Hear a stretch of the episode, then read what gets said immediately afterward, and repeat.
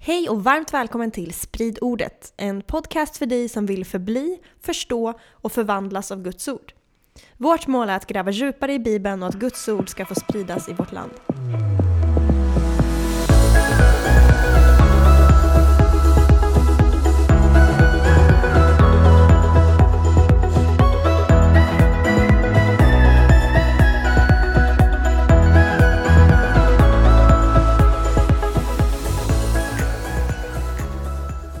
Varmt välkommen till ett nytt avsnitt av Spridordet. Och eh, varmt det har det varit idag. När vi spelar in så är det maj och det är försommar. Vi har hängt i parken, det har varit nice. Eller vad säger du? Absolut, det har varit härligt. Yes. Lite svettigt. Ja, men det är jobbigt när man säger så här i ett podd, för det är kanske är någon som lyssnar på det här typ i november. Ja, Men eh, då kan man ju minnas hur härligt det är med sommar.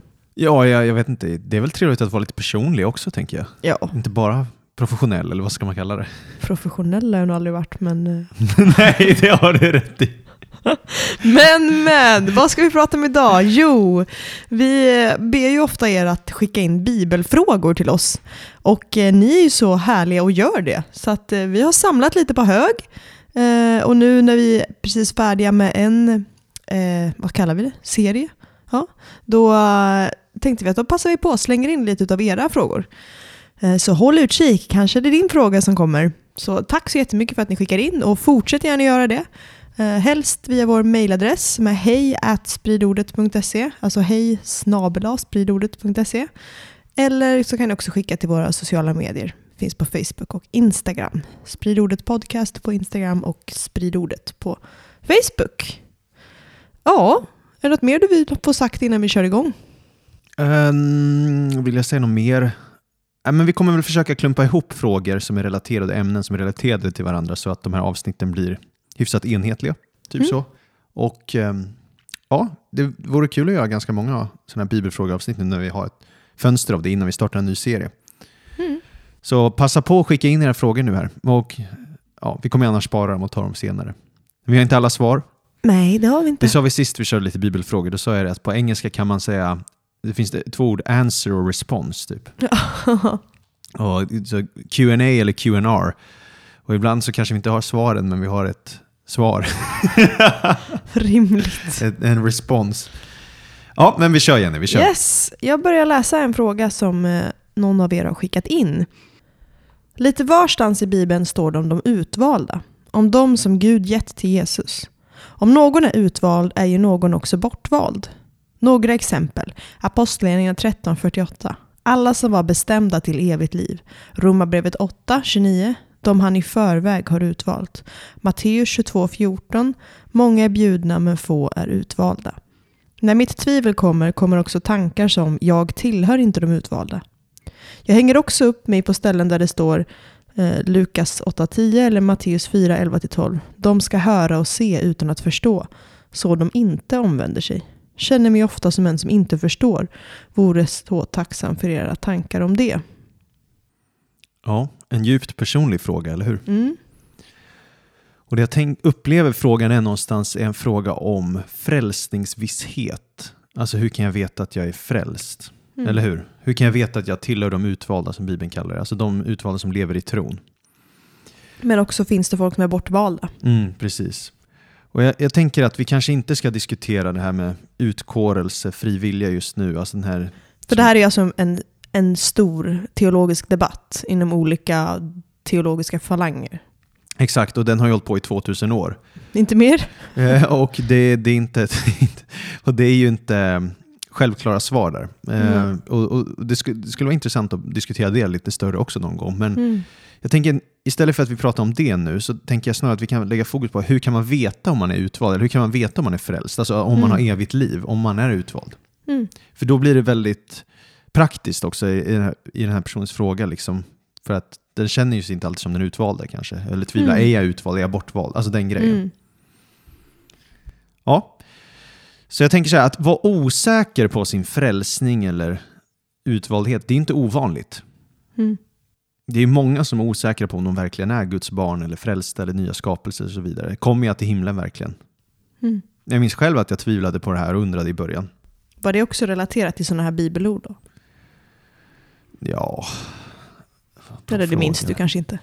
Eller alltså snarare så här, jag visste i och för sig, när jag tänker efter, nej jag visste nog alltid att jag var frälst när jag tänker efter Jenny. Eh, Men snarare så här, man tvivlar, lever jag verkligen i tron alla gånger? Typ, Mm. mm. Typ den. Och det, det blir intressant, för om någon, frågar, om någon frågar mig, är du en make? Typ, eller är du gift? Då kan jag ju bara visa min ring, jag kan visa vårt vigselintyg, eller jag kan visa upp dig, eller hur? Eh, som delar mitt liv och mitt och mitt efternamn. Så då kan jag ju på något sätt vara 100% säker på att jag är gift, eller Ja, det hur? hoppas jag verkligen att du är. Eller om någon frågar mig, är du anställd på den här arbetsplatsen? Då kan jag ju visa upp min arbetsplats, eller mitt arbetsintyg, eller min lön, eller vad heter det, tjänstgöringsintyg, alltså sådana grejer. Och då kan man ju bevisa att man Det är... k- krävs ju ganska mycket för att man ska tvivla på det själv. Ja men exakt, exakt. Man men, lever så i det. men andra grejer kanske är lättare att tvivla på, men, men jag menar att eh, när det kommer till frälsningen då, eller tron, liksom, Mm. så menar jag att man kan, nog, man, kan komma till, man kan komma till en punkt där man verkligen är helt säker på att man är frälst. Att man är Mm. utvald om man tillhör Jesus. Mm. Hur då? Ja, men så här, för Bibeln lär ju tydligt och klart att den stund en person omvänder sig från sin synd och sätter sin tillit och tro till Jesus för att bli förlåten för sin synd, då är man frälst. Amen. Då går man från andlig död till andligt liv. Man blir förklarad oskyldig inför Guds domstol. Jesus är din försvarsadvokat och all fördömelse som kan dyka upp i ditt huvud och alla fel du gjort och brister, Jesus kommer ändå försvara dig inför tronen. Liksom. Så från Guds perspektiv är den här räddningen, eller frälsningen, en objektiv verklighet där man omedelbart blir rättställd med Gud. Den sekund man tror. Mm. Eh, men sen vår subjektiva erfarenhet kanske är annorlunda, att man inte alltid känner sig säker. Mm. Alltså livets svårigheter eller synder kan få en att ifrågasätta om man är frälst. Att man kanske inte känner sig frälst varje dag. alltså den grejen. Ja, eller man kanske flyr bort från att söka Gud eller sådär. Mm, mm, Har perioder där man inte är lika aktiv. mm. I kyrka ja, men exakt, exakt. Så kan man veta om man har evigt liv? Första Johannesbrevet i Nya Testamentet svarar tydligt ja på den frågan. Så jag tänker vi ska läsa det här. Första Johannes 5, 12-13. Den som har sonen har livet. Den som inte har Guds son har inte livet. Detta skriver jag till er för att ni ska veta att ni har evigt liv. Ni som tror på Guds sons namn. Så det här är ju solklart, eller hur? Ja, där är också såklart att de hade, ställde samma fråga. Mm. Så det är ingen, det är ingen dum fråga. Nej, nej det, det, är, det är inte en ny fråga. Den har ju verkligen frågats alla tider. Men Johannes bara, amen, du vet, jag skriver det här för att ni ska veta att Mm. ni har evigt liv. Mm. Ni som tror på Guds sons namn. Så jag tänkte vi ska gå igenom lite så här, ja, men, en checklist, eller hur jag ska säga, för, för att vi, så man kan verkligen bli säker på sin frälsning. Typ. How to know if you're saved. Ja, eh, men, Step by step. ja, men lite så. Så nummer ett blir ju då, frågan är, tror jag på sonen? Alltså tror jag på Jesus som Guds son? Som dog för mig, eh, dog för mig för mina synder, uppstod från de döda och besegrade döden. Check. Check. Om man tror Om det, man tror det. då, då är det en väldigt bra början. Eller hur? Eh, men, men jag vill inte stanna med att säga bara det. För att, alltså på ett sätt är det ju det som är nog. Mm. Men jag vill förtydliga det mycket. För att det blir så här att man kan ju tro på, alltså man kan vara en kulturell kristen. Mm. Att lite vagt, intellektuellt sett tro att Jesus är Guds son. Alltså, hänger du med vad jag menar med det? Ja. Men det har blivit en djup verklighet i ens hjärta. Mm. Inte påverkat hur man ser livet. Och det är därför Romarbrevet 10, 9-10 är så bra vers när det kommer till verkligen det här att bli född på nytt och få en relation med Jesus. Om vi läser det igen så... Om du därför med din mun bekänner att Jesus är Herren och i ditt hjärta tror att Gud har uppväckt honom från de döda ska du bli frälst. Ty med hjärtat tror man och blir rättfärdig, med munnen bekänner man och blir frälst. Precis, så hjärtats tro, munnens bekännelse och det här leder då till att, att man, man blir frälst och det kommer sen i sin tur leda till frukt i ens liv. Alltså det kommer leda till ett liv där man lever i tron också. Mm. På att Jesus gjort allt detta. Alltså frälsning är inte bara, jag, gjorde, jag, jag räckte upp handen en gång på ett möte eller jag bad en frälsningsbön när jag var sju år gammal. Mm. Eller hur? Nej. Utan det, det är ett livslångt projekt. Ja, alltså tro utan gärningar är död på något vis. Så liksom steg ett är ju tro på Jesus och det är, och det är det enda man behöver göra för att bli frälst, tro på Jesus. Mm. Men sen så kommer det producera frukt i ens liv. Och då blir fråga två då, om man vill veta, ja, men är jag verkligen, tillhör jag Jesus? Det är fråga två då, lever jag i sanningen med stort S kan man säga, och säga nej till mörkrets gärningar. Och vad jag menar med det är för att det står så här i första Johannesbrevet 1.6. Om vi säger att vi har gemenskap med honom och vandrar i mörkret så ljuger vi och handlar inte efter sanningen. Så här handlar det om att okay, det finns vissa som säger att ja, men jag har gemenskap med Jesus. Men om vi ändå vandrar i mörkret, då ljuger vi och handlar inte efter sanningen. Och att leva i mörkret då, det innebär ju en livsstil i synd, att man lever ständigt i synd. Och det är inte förenligt med kristet liv. Eller hur? Nej. Så vi kan läsa fler bibelord på det här. Romarbrevet 8-9. Så ska jag förtydliga det här sen. Ja. Ni däremot lever inte efter köttet utan efter anden, eftersom Guds ande bor i er. Den som inte har Kristi ande tillhör inte honom. Så läser vi Romarbrevet 8, 14-17. Ty alla som drivs av Guds ande är Guds söner. Ni har inte fått slaveriets ande, så att ni på nytt skulle leva i fruktan. Nej, ni har fått barnaskapets ande, i vilken vi ropar Abba, Fader. Anden själv vittnar med vår ande att vi är Guds barn. Men är vi barn är vi också arvingar, Guds arvingar och Kristi medarvingar, lika visst som vi lider med honom för att också bli förhärligade med honom. Okej, så alla de här bibelorden, vad vi läst om här, att okay, den som har en helig ande, och du får en helig ande ju när, när du tror på Jesus, Japp. flyttar in på insidan. Sen finns, verkar finnas en till upplevelse också där man kan bli fylld med anden på ett helt annat sätt. Men det behöver vi inte prata om nu. Men den som har helig ande tillhör Jesus. Så alla frälsta har Kristi ande och vice versa. Och så du kan veta att du är Guds barn om du är ledd av anden. För det stod där, alla som drivs av Guds ande är Guds söner, alltså Guds barn. Alla som drivs eller är ledda av anden. Mm.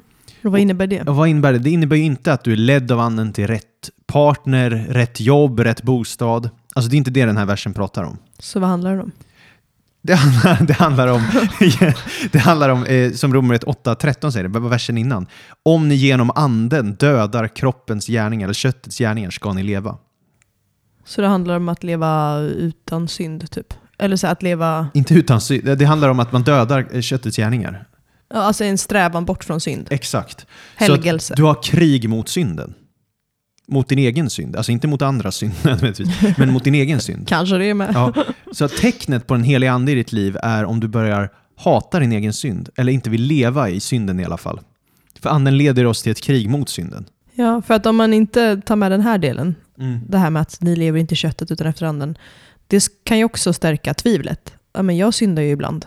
Då är jag ju inte frälst. Alltså, Nej. så att eh, det handlar inte om att man har blivit perfekt, utan att man är på en... eh, Ja, exakt. Och, Eller? Ja, men verkligen. Men det jag menar är här då att, alltså så här, det är en sak att synd, det kommer Johannes också i sitt brev adressera, men, men det är en sak om du syndar och du inte tycker det är fel. Och det är en Nej, annan sak om precis. du syndar och du tycker det är fel. Du känner en ånger eller äcklad av det. Mm, Det är två helt olika saker. precis. Och om du känner på din insida att jag vill inte leva på det här sättet, då är det ett tecken på att den heliga ande jobbar i din insida. Mm. Alltså som om man känner sig bekymrad över sina tillkortakommanden. Jubla! För det betyder ju att du fortfarande hör den helige andes röst. Att han jobbar i ditt inre. Det är ju ett tecken på att du är frälst. Mm. Hänger du med? Att Ja. den helige ande jobbar i ditt samvete. Och det är därför första Johannesbrevet är så tydligt med ja, men så här, den kristnes tvål, eller vad man ska säga, när man kan rena sig själv. Eh, som är egentligen en bibelvers alla borde memorera. Och det är första Johannesbrevet 1.9. Om vi bekänner våra synder är han trofast och rättfärdig, så att han förlåter oss våra synder och renar oss från all orättfärdighet. Precis. Så, good stuff alltså. så då är ju poängen här att men då ska vi bekänna synderna. Så att, grejen är att, då, att leva i sanningen och säga nej till synden, säga nej till mörkrets gärningar. Det är ju det här då. Att om du syndar, då är du snabb till att bekänna det och erkänna att det är ett fel och att du inte vill Mm. leva på det sättet. Och det för mig till punkt tre då, som är vill jag försöka lyda Guds ord? Alltså vill jag försöka lyda vad Jesus säger och hans bud och befallningar? Mm. Finns det en längtan i mig att följa vad han säger? Det är också ett tecken på att den heliga ande jobbar i mig. Eh, Om vi läser första Johannesbrevet 2, 3-5.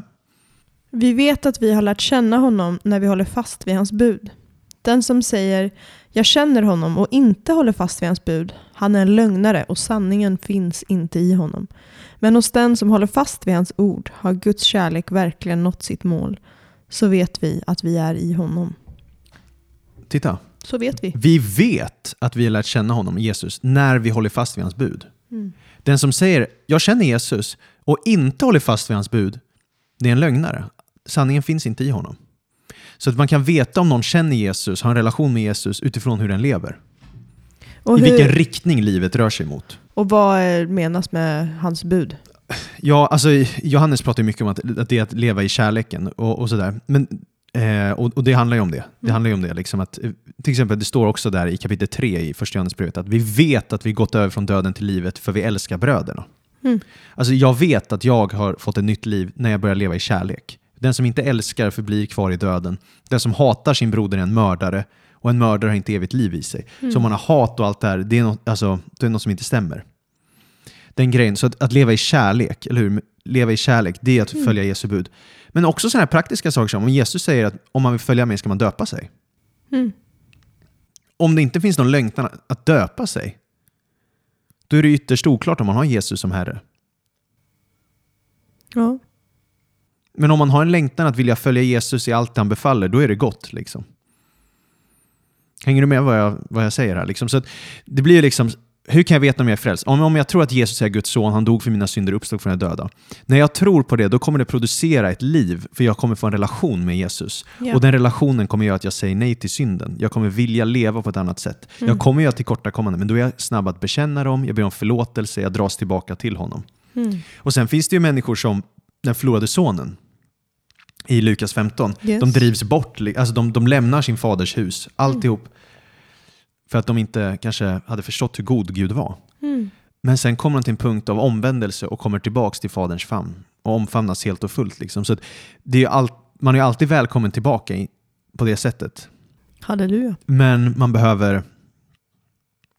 När man, när man väl kommer tillbaka, då kommer man bli förvandlad av det mötet. Liksom. Mm. Det är inte något man producerar fram själv, utan det är relationen med Jesus som producerar den frukten. Mm. Att den helige Ande gör det i en för att man umgås med honom. Och En annan punkt skulle, skulle jag säga då, hur kan man veta att man är utvald eller frälst? Alltså, att det finns ett andligt vittnesbörd på insidan. Så här. Och, och, för vi läste där att anden själv vittnar med vår ande att vi är Guds barn, pratade vi om i Romarbrevet. Mm. Och vad menar du med, med det? Att det finns ett andligt Ja, alltså, det är lite svårt att sätta ord på det, men jag skulle säga att det är liksom inte bara en känslomässig bekräftelse, utan det är någon så andlig bekräftelse. Det är som att Guds ande bor i mig, så det finns som ett genuint rop eller längtan eller sträckande mot Gud. Mm. Där jag vill lära känna Gud på något sätt. Ehm, för det står där att vi har inte fått barnaskapets ande i Romarbrevet. Pratar jag om Mm. det? Eller vi, vi har fått menar jag, jag barnaskapets bara, ande. mm, Men vi har inte va? fått slaveriets ande. Nej, Eh, vi har fått barnaskapets ande. Så I vilken vi ropar Abba far.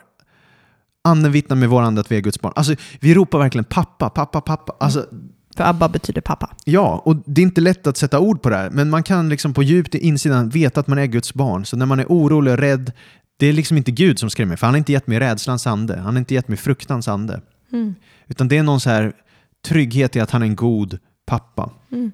Någon form av så här grundtrygghet i ja, mitten. i, i, i sin ande på något Ja. sätt. Och sen kommer det ta tid för själen att fatta det, sinnet att fatta det och Ja. allting. Liksom. Jag brukar tänka att det är, eller så här frälsningsglädje. Jag brukar tänka att det är som en typ kärna i mitten. Sen kan vi ha olika lager utanför. Så man kan liksom känslomässigt känna sig ledsen eller orolig och sådär. Men i mitten finns det ändå på något sätt någon form av visshet. Ja, spännande. Och jag, jag tänker så här, det kan naturligtvis komma tvivel på en om man tittar på sin moraliska prestation. Och ju mer man tittar på sig själv, desto mer osäker kommer man bli om sin frälsning. Jag vill bara säga det. Bam! Alltså det, men det är ju mer du tittar på Kristus, desto säkrare kommer du bli. För att han är den bästa av frälsare. Vilken tur. Så när jag tittar på Jesus, då kommer jag få den här aptiten för hans ord. Jag kommer börja bli mer lik honom, lära känna hans röst, bli förvandlad. Jag kommer säga nej till mörkrets gärningar. Och ju Mm. mer åren går, om jag känner den helige, så kommer jag bli mer och mer lik honom. Och det var en fråga där, kommer, alltså så här, man kommer höra och inte förstå, och, så här, och ibland förstår jag inte allting. Betyder det att jag inte är utvald? Typ? Mm. Och då skulle jag ju säga så här att det pratar ju där om, om förstår att Jesus är Messias. Mm. Eller hur? Det är ju steg ett. Det betyder inte att vi förstår alla bibliska sanningar. I sådana fall är jag körd. ja, ja, men precis. Så det är ju det här, om jag förstår jag att Jesus är Messias, förstår jag... Alltså, Alltså- frälsaren, att han är, han är Ja, och sen vad han lär, såklart att det börjar uppenbaras lager på lager. Det blir ju Mm. en tillväxt över tid, eller hur? Men det betyder inte att jag förstår allt direkt. Och det här är ju, Bibeln använder ju jätteofta bilder om det, som att, eh, att man växer i mognad. Att man är först ett spädbarn och sen växer man blir Mm. mer mogen. Så vissa saker kan man inte förstå direkt och man behöver vissa förkunskaper. Och, men det viktigaste av allt är att leva i kärlek, eller hur? Lära sig att leva ett liv i kärlek. Mm.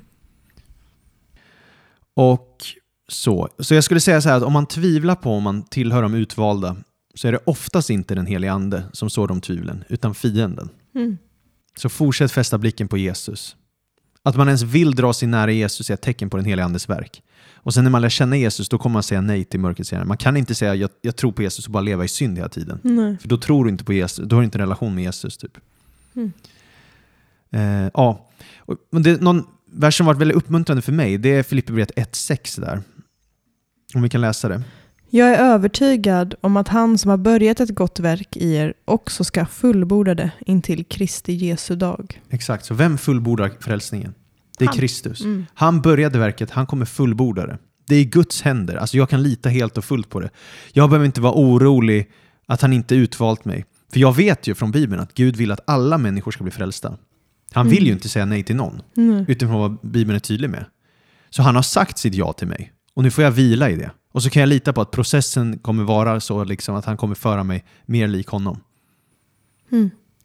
Ehm, ja, eftersom det är en bibelstudiepodd, läs en till bibelord bara, för det är så grymt. Judasbrevet, eh, vers 24-25. Han som förmår bevara er från fall och ställa er inför sin härlighet, fläckfria och jublande, den ende guden, vår frälsare, genom Jesus Kristus vår Herre. Honom tillhör ära och majestät, välde och makt före all tid, nu och i all evighet. Amen. Amen. Så det är han som förmår bevara oss från fall och ställa oss inför sin härlighet, fläckfria och jublande. Skönt. Det är Jesus som gör det. Så det här är jätteviktigt, jag vill bara hamra hem det, att om du tror att du är frälst för att du lyder Guds bud, då, då, det är inte så det funkar. Du är frälst, inte för att du gör goda gärningar eller för att du undviker onda gärningar. Du är frälst för att Jesus har räddat dig. Amen. Och det är så viktigt. Alltså vi, vi bidrar inte till vår frälsning. Jesus gör det 100%. Mm. Jesus Kristus han dog på korset, när vi tror på honom. Så det är bara tron som räddar oss. Sen den tron kommer leda till ett förvandlat liv. Mm. Och det är de här, förvandlade, alltså de här frukterna av mitt liv som Yes. vittnar om att jag faktiskt har en riktig tro. Mm. Amen. Amen.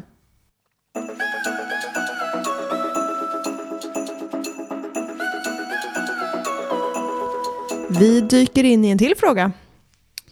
Så här skriver en av våra lyssnare. Romarbrevet 6.4 står det att vi förut älskade synden. På vilket sätt gjorde vi det? Jag känner ingen som älskar att stjäla, ljuga och så vidare. De flesta människor har väl ganska bra värderingar. Eller var alla idioter på Jesu tid? Fantastisk fråga. Du gillar den? Ja, men jag, jag tyckte det var kul formulerat på slutet. Ja. ja, det var jättebra formulerat. Jag vill bara säga så här, okej. Eh, det står faktiskt inte just i Romarbrevet 6.4 att vi älskade synden. Det står det i nya levande bibeln som är en, en parafraserande översättning av bibeln. Mhm. Då står det så här, vår gamla natur som älskade synden begravdes med Kristus genom dopet. Istället fick vi del av det nya liv som Jesus fick när Fadern med sin väldiga makt förde honom tillbaka till livet. Men det står inte riktigt så liksom ordagrant då. Men, men det, konceptet av att man älskade synden, det finns ändå över hela Bibeln. Så här. Jag tänker att om vi läser i Johannes evangeliet kapitel 3 där, så kommer det också göra tydligt att vi innan älskade synden eller älskade mörkret. Så vi bara läser det. Ty så älskade Gud världen att han utgav sin enfödde son, för att den som tror på honom inte ska gå förlorad utan ha evigt liv. Inte sände Gud sin son till världen för att döma världen, utan för att världen skulle bli frälst genom honom. Den som tror på honom blir inte dömd, men den som inte tror är redan dömd, eftersom han inte tror på Guds enfödde sons namn. Och detta är domen. Ljuset kom till världen och människorna älskade mörkret och inte ljuset eftersom deras gärningar var onda. Ty var och en som gör det onda hatar ljuset och kommer inte till ljuset för att hans gärningar inte ska avslöjas. Men den som lyder sanningen kommer till ljuset för att det ska bli uppenbart att hans gärningar är gjorda i Gud. Det här är jättevälkända ord från Johannes evangeliet. Och så står det där att ja, men liksom, världen är redan under domen. Jesus kom bara för att rädda. För världen är redan dömd och fördömd. Och det här är domen, att ljuset kom till världen. Men människorna älskade mörkret och Precis. inte ljuset eftersom deras gärningar var onda.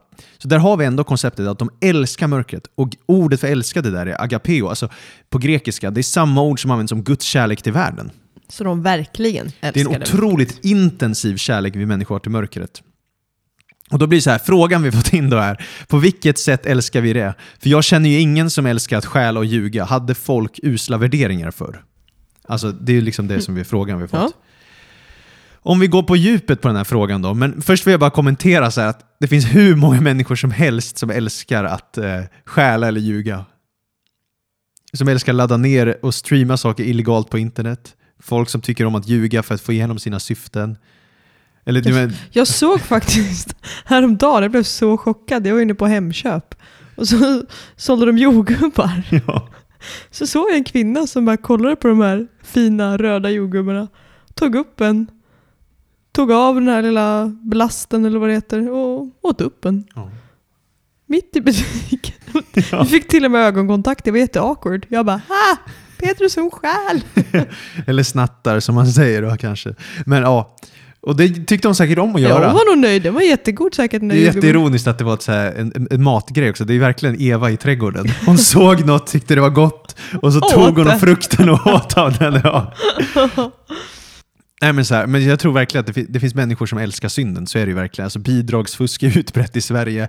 Eh, folk älskar att eh, ha en annan sexualmoral än vad Bibeln förespråkar och så vidare. Så här. Men, men inget av det är liksom det viktiga här i att svara på frågan, utan jag tror det går mycket djupare än så. Och jag tror vi skulle behöva ändra vårt perspektiv på synd lite. Även om synd innefattar att göra fel. För synd är ju, både på hebreiska och på grekiska, så är det en bågskytteterm. Att man missar målet, man träffar inte måltavlan. Mm. Men det här när det kommer till synd i människors liv, att vi älskade synden, vi älskade mörkret. Det handlar inte bara om enstaka synder, att jag älskade specifikt att eh, stjäla eller ljuga eller... Äta jordgubbar i butiken. Ja, precis. Utan i vårt fall, som människor, handlar det om att vi inte når upp till vad Gud tänkt för våra liv. Vad sa Eh, du? Att? Att vi inte nått upp till vad Gud tänkt för våra liv. Mm. Alltså Guds tanke. Mm. Och om vi... Så här, I Bibeln så står det uttryckligen synd är brott mot lagen. Står i första Johannesbrevet 3.4. Alltså, så det, det, det är verkligen, synd är Mm. att bryta mot lagen, Guds lag. Mhm. Men om vi kokar ner det ännu mer till dess hjärtefråga, så här, för att Jesus betonar ofta synden i hjärtat när han undervisar. Just liksom. det. Med motivet bakom. Ja, bland annat. Liksom. Men också bara ja, men, hy, tanken, tankarna du hyser i hjärtat. Så. Just. Men om jag skulle gå till syndens essens så blir det lite samma lögn som ormen i Edens trädgård. Alltså, du ska bli som Gud. Mm. Att vi sätter oss själva i centrum. När Gud ska vara det. Att saker centreras kring oss. Alltså att vi försöker vara vår egen frälsare och Herre. Att göra saker som är rätt i sina egna ögon. Mm. Att man själv vill bestämma. Att sätta sig själv på tronen i något område istället för att helhjärtat lita på Gud i allt. Mm. Och om man har den tanken på synd, då kan man förstå att människor älskar det. Mm. Man älskar tanken av att vara in charge själv, att bestämma över sitt eget liv. Frihet liksom. Kontroll. Ja. Och jag tänker att det är ganska användbart här att tänka i termer av avgudadyrkan. Att säga att synd är att bryta mot Guds lag, det stämmer. Mm. Men Guds lag innehåller ju både saker man ska göra och inte göra. Just det. Saker man borde undvika och saker man borde göra. Alltså så, här. så synd handlar inte bara om beteende som man ska undvika utan också g- Saker göra. man ska göra. Ja, precis. Och, och, sådär. och Det handlar om hjärtats attityd och motiv och sådana här grejer. Men det blir ofta att man lägger fokus på det negativa kring synd. Alltså det här ska man inte göra. Men Mm. man behöver ju tänka mycket längre än så. Och jag gillar hur teologen Tim Keller uttrycker det. Han säger så här att synd är inte bara att göra dåliga saker. Det är att göra goda saker till ultimata saker. Och vad menar han med det? Ja, men det han menar med det är att synd är att synd är att bygga sitt liv och sin mening på vad som helst, även bra saker, mer än Gud. Mm. Ja, och där kommer vi in på avgudadyrkan. Då. Exakt. Och det vi bygger vårt liv kring kommer styra oss och förslava oss. Så vad jag sätter som prioritet i mitt liv, och det blir avgudadyrkan då. Så till exempel fariseerna, de var avgudadyrkare. De sa ju att de tjänade Herren. Och de böjde sig inte bokstavligen för några avgudastatyer. Så. Men de såg till sig själva och sin egen prestation för sin rättfärdiggörelse Mm. och sin rätta ställning med Gud. Och när de gjorde det så bryter de ju mot budet så att du inte ska ha några andra gudar. För de såg sin prestation som det viktigaste, Mm. mer än Gud, vad Gud kan göra för dem och nåden. Eller hur? Mm. Och jag tänker, alltså, det är ganska viktigt att tänka i de här termerna när man pratar synd. För att om man pratar med en postmodern svensk idag, som är relativister allihopa, om man säger så här, synd är att bryta mot Guds lag eller Guds norm, då kommer ju de svara bara, ja, men vem ska säga vems moraliska normer som är rätt? Alla har ju olika. Vad får kristna att tro att deras enda, eh, eller att deras uppfattning är den enda rätta liksom? Mm. Eller man känner igen det här. Man, Ja, ja, jag fick höra en någon gång när jag, vi pratade om sanningen och att Jesus säger att han är sanningen. Eh, är det inte lite väl kaxigt Mm. att säga att man själv är sanningen? Ja, Och ja. jag bara, ja, om det inte är så att man faktiskt vore Gud.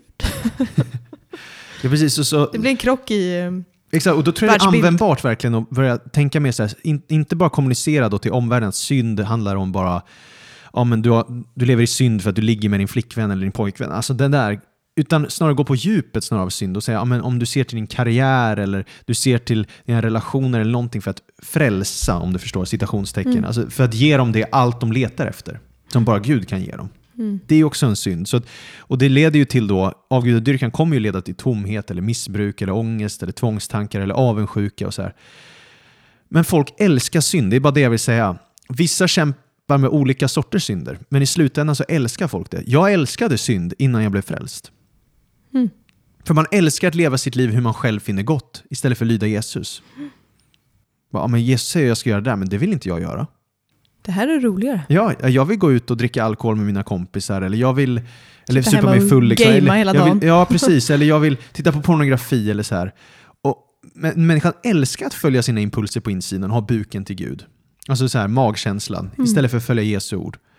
Och Det är så viktigt att komma ihåg att synd är så förrädiskt. Ja, det är ju inget att lita på direkt. Det lurar en väldigt lätt. Och den enda som hatar synd helt och fullt, det är en kristen som lever nära Gud och formas av den helige Ande. Mm. För det sker, behöver ske något övernaturligt verk i hjärtat. Mm. Så att man verkligen hatar det, synden.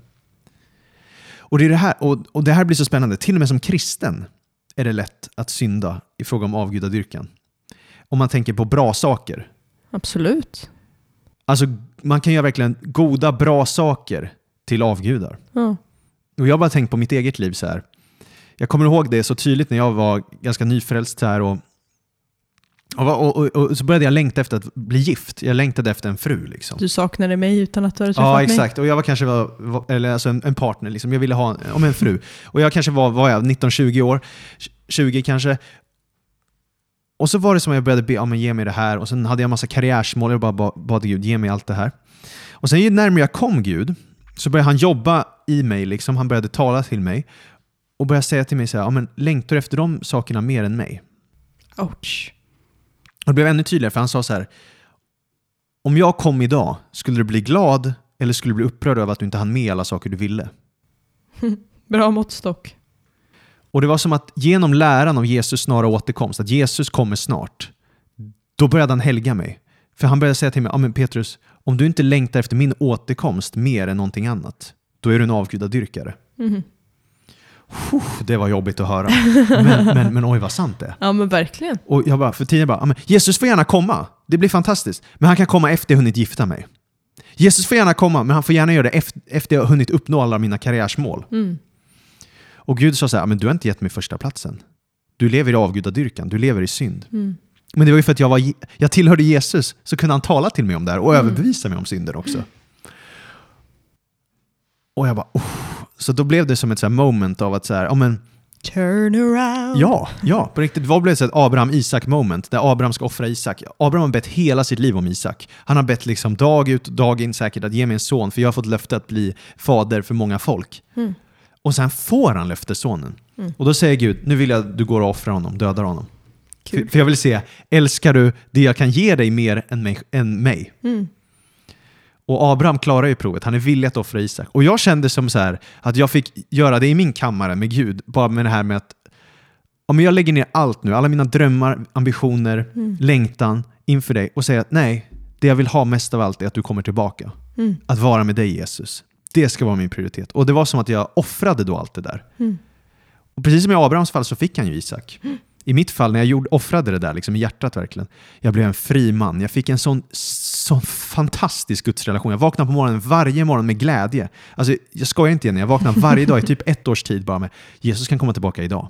Och jag var så glad över det, för jag var lycklig. Det stod inte i vägen för mina planer. Mm. Det stod inte i vägen för all min längtan, för det var min längtan. Mm. Och sen då har Gud välsignat mig med en fru nu. Det var jag. Eller hur? Och till exempel, och han Hoppas välsignar han- mig om och om Hoppas igen. inte han ber er offra mig. Och, men, och på samma sätt, Abraham blev välsignad med Isak. ja. Och när han väl offrade honom fick han honom ändå. Mm. Men det var bara att, vad har du för rätt prioritet? Och det här jag menar är bara att synd är något bedrägligt. Alltså det, det maskerar sig ofta som något gott. Så med allt det här sagt då, eh, synd är ju liksom att inte sätta Gud på den första, största platsen i allt. Yes. Och synd missar målet för vår existens. Så människor är inte godare idag än för 2000 år sedan, utan det finns inget nytt under solen. Människor, ja, man kan säga var idioter på Jesu tid. Då. De älskade synden då, men de, vi gör det lika mycket Vi är idag. lika mycket idioter idag. Lika mycket. Det finns inget nytt under solen. Och sen så är det klart, då kan man säga att vi befinner oss i ett postkristet samhälle som har fått skörda mycket värderingar från att kristendomen så här har påverkat vårt samhälle och allting. Och det har ju påverkat såklart hur, hur vi ser på gott och ont idag jämfört med förr. Men vi lever fortfarande i en hednisk nation, eller hur? Där alla är syndare, alla behöver omvända sig, alla behöver uppleva frälsningens kraft. Den heliga ande behöver lysa på människors hjärtan så att man börjar se att även de minsta synderna är allvarliga inför Gud. Typ. Mm. Ja, amen. Yes. Bra, tack för frågan och eh, tack för svaret. Answer or response, ni bestämmer.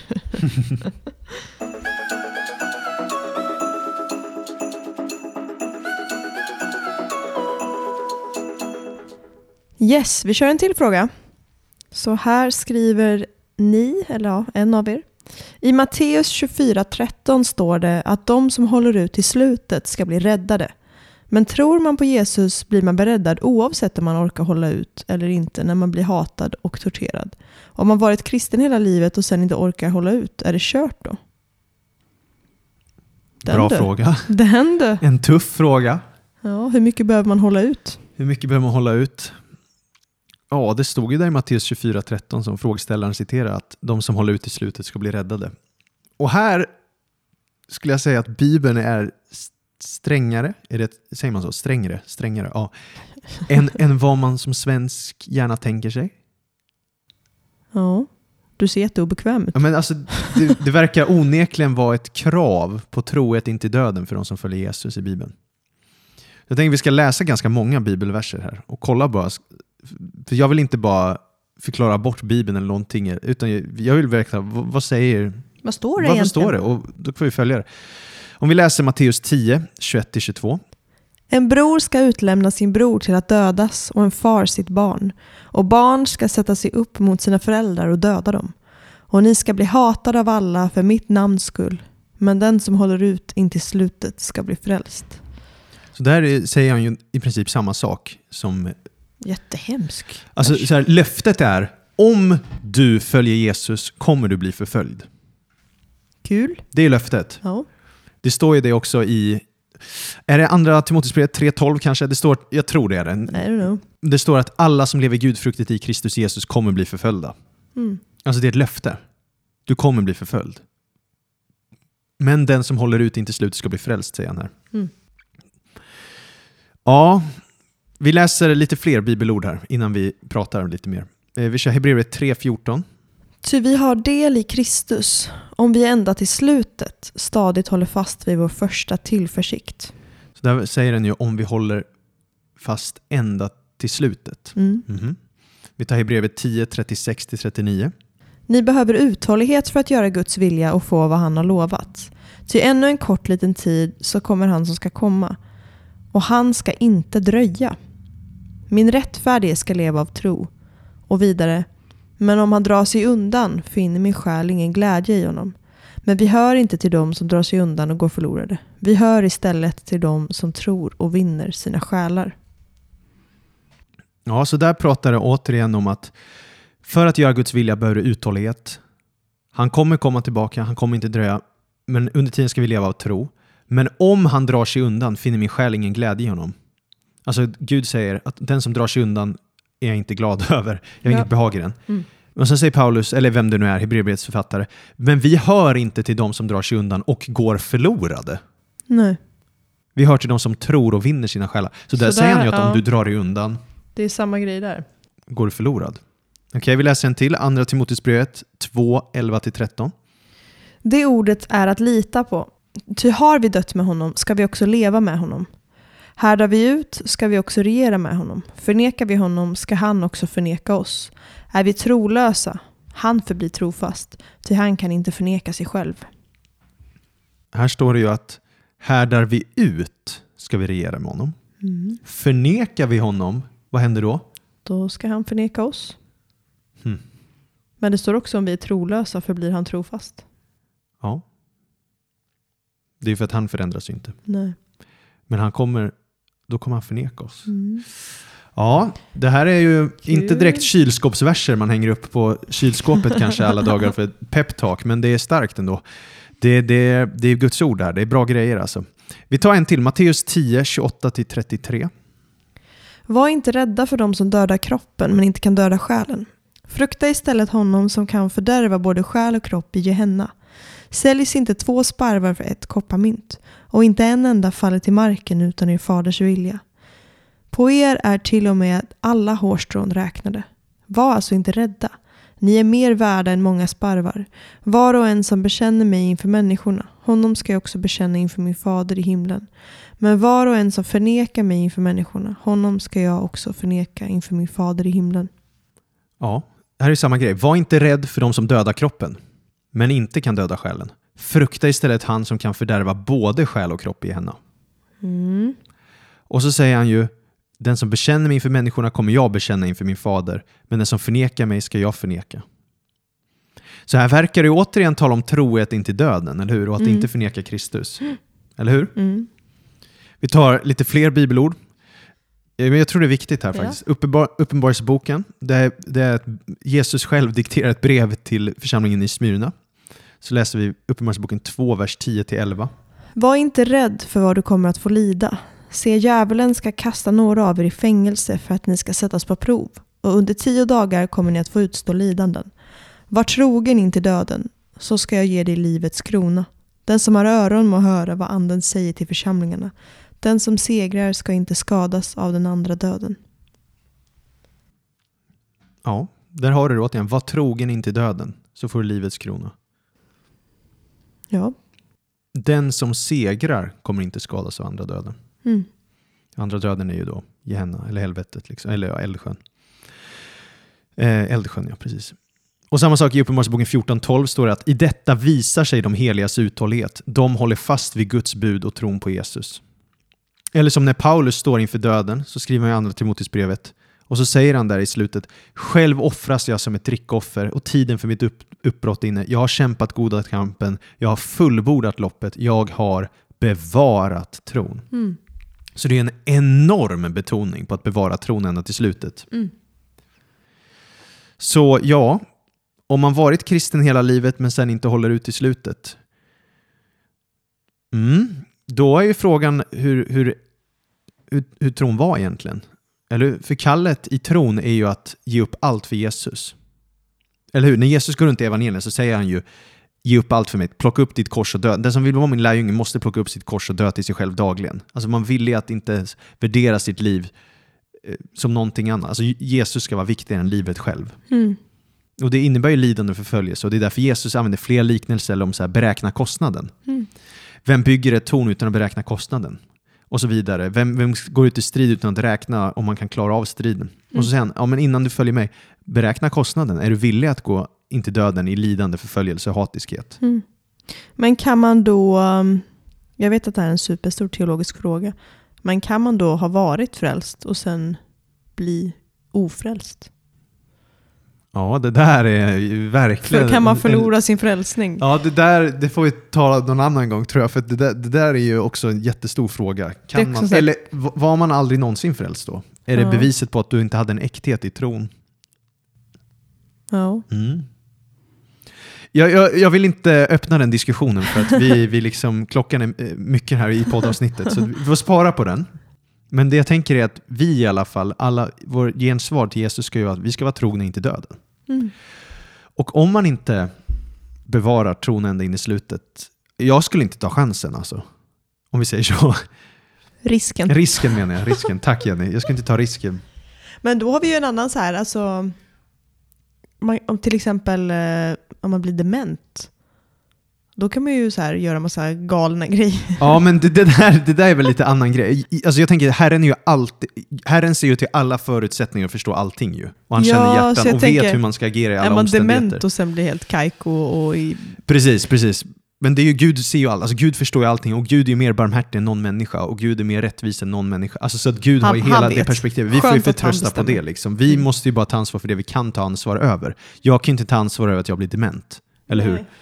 Men jag kan ju ta ansvar om jag håller fast vid tron eller inte, även vid hård förföljelse. Och Jag tycker det är intressant att första Petrusbrevet säger ju så här i, i vers 69 att gläd er om ni en kort tid måste utstå prövningar av olika slag. För äktheten i er tro är långt värdefullare än guld som är förgängligt, fast, fastän det håller provet i eld. Och den tron ska visa sig till lov, pris och ära när Jesus Kristus uppenbarar sig. Mm. Honom älskar ni utan att ha sett honom, och fastän ni ännu inte ser honom tror ni på honom och jublar över honom i en obeskrivlig himmelsk glädje, då ni nu är på väg att vinna målet för er tro, era själars frälsning. Mm. Och här blir det som att prövningar prövar äktheten i tron då. En äkta tro är det mest värdefulla en människa kan ha. Det är mer värdefullt än all världens rikedom. Och prövningar, när du går igenom elden, det visar ju vad som verkligen finns där, om det är äkta eller inte. Mm. Och det här kan ju vara jobbigt att höra, för att, men eh, vad ska man säga? Alltså, jag kan ju inte tro och undervisa något annat än att vi ska ge allt för Jesus. För det är vad han själv undervisar. Mm. Han gav ju allt för oss. Och nu kräver han att vi ger allt om vi vill följa honom. Mm. Och det är frivilligt att följa. Men om man gör det, ge då allt. Och sen är det såklart att om man förnekar Jesus, som Petrus gjorde, Simon Petrus, Mm. då fanns det ju upprättelse för honom. Ja. Så jag, jag vet inte hur allt, hur Det allt finns förlåtelse. Det finns förlåtelse, det finns allt det där. Jag vet inte hur allt samverkar liksom på det sättet. Men det jag vill peppa bara här är satsa på all in kristendom, eller? Eller hur? Mm. Satsa på all in kristendom. För om man verkligen, verkligen tänker på det. Jesus pratar hur mycket som helst, beräkna kostnaden, du ska vara villig att plocka upp ditt kors, Mm. dö dagligen. Alltså det är verkligen totalt surrender-liv, liksom. All in för Jesus. Men jag tänker, eh, här är det ju viktigt att ha det perspektivet som du pratar om i frågan om hur vet man att man är frälst. Det här att inte för om jag bara sätter fokuset på att åh nej, kommer jag klara av att eh, eh, stå upp för Gud när jag Mm. blir eh, torterad? Kommer jag klara av det här om det här händer? Kommer jag klara av det här? Då blir man stressad. Ja. Det blir, För då kollar du på din förmåga. ja, Yes. men att istället ha på perspektivet, ja men det är bara han jag ska följa. Bara blicken på Jesus och så sopar vi undan eh, hindren när de kommer. Halleluja. Så snubblar vi fram och så bara springer vi över alla rötter och Yes, bara yes, yes, yes. ah, men jag Och bara det är ju det tittar som på är, Jesus. Come on Jenny. Och det är det som är att ge allt för Jesus. Att jag har helt enkelt obsessed med Jesus. Jag har blicken fäst på Jesus. Alltså, ja, jag, för annars har vi kanske en avgud i oss själva igen. just det, att, att- jag tror att det är ja. jag som ska Ja. hålla fast vid tron. Att det hänger på mig. Att det är jag som ska prestera fram det. Jag måste lida, jag måste göra. Och det är ju aldrig det tron handlat om. Nej. Det har handlat om Jesus, att han fullbordar frälsningen. Jag är övertygad om att han som har påbörjat ett gott verk i er ska fullborda det in till Kristi Jesu dag. Det var han som räddade mig, det var han som la sin kärlek i mitt hjärta. Och han, det står att Guds kärlek är utgjuten i mitt hjärta. Och det står att kärleken tror allt, bär allt, hoppas allt och uthärdar, allt. Och om jag har den kärleken i mig, då kan jag uthärda allt. Mm. Inte själv, men för att han har gett mig det som gåva. Och om jag börjar titta på min egen förmåga, då är jag körd. Då kommer jag inte klara av att hålla ut in till slutet. Mm. Men om jag bara tittar på Jesus, om jag bara tror på Jesus, då kommer det ordna sig. Yes. Amen alltså. Lite tuffare avsnitt idag. Ja, men det brukar vi hålla på att säga. Eller hur? Eller hur? Det är så här. Men jag tycker det är fräscht också. Menar, det är inte så ofta, jag tror inte, jag tror inte det predikas det här superofta. Alltså, Bibeln är ju generellt lite, lite mer utmanande än de predikningar och förkunnelser man ofta utsätter sig själv för. Mm. Eller om man får uttrycka det så. Och det är därför det är så viktigt att bara gräva i ordet och verkligen söka Jesus Ja. och hans röst. Toppen. Bra. Tack för eh, att ni skickar frågor. Och som sagt, skicka fler. Ehm, så att vi inte är sysslolösa, höll jag på att säga. Det är vi inte. Vi har redan fått in hur många som helst. Men eh, fortsätt skicka frågor. Gärna fler, ja. Precis. Det är superkul. Det är jättekul. Och så hoppas att ni har lärt er någonting idag. Gud välsigne.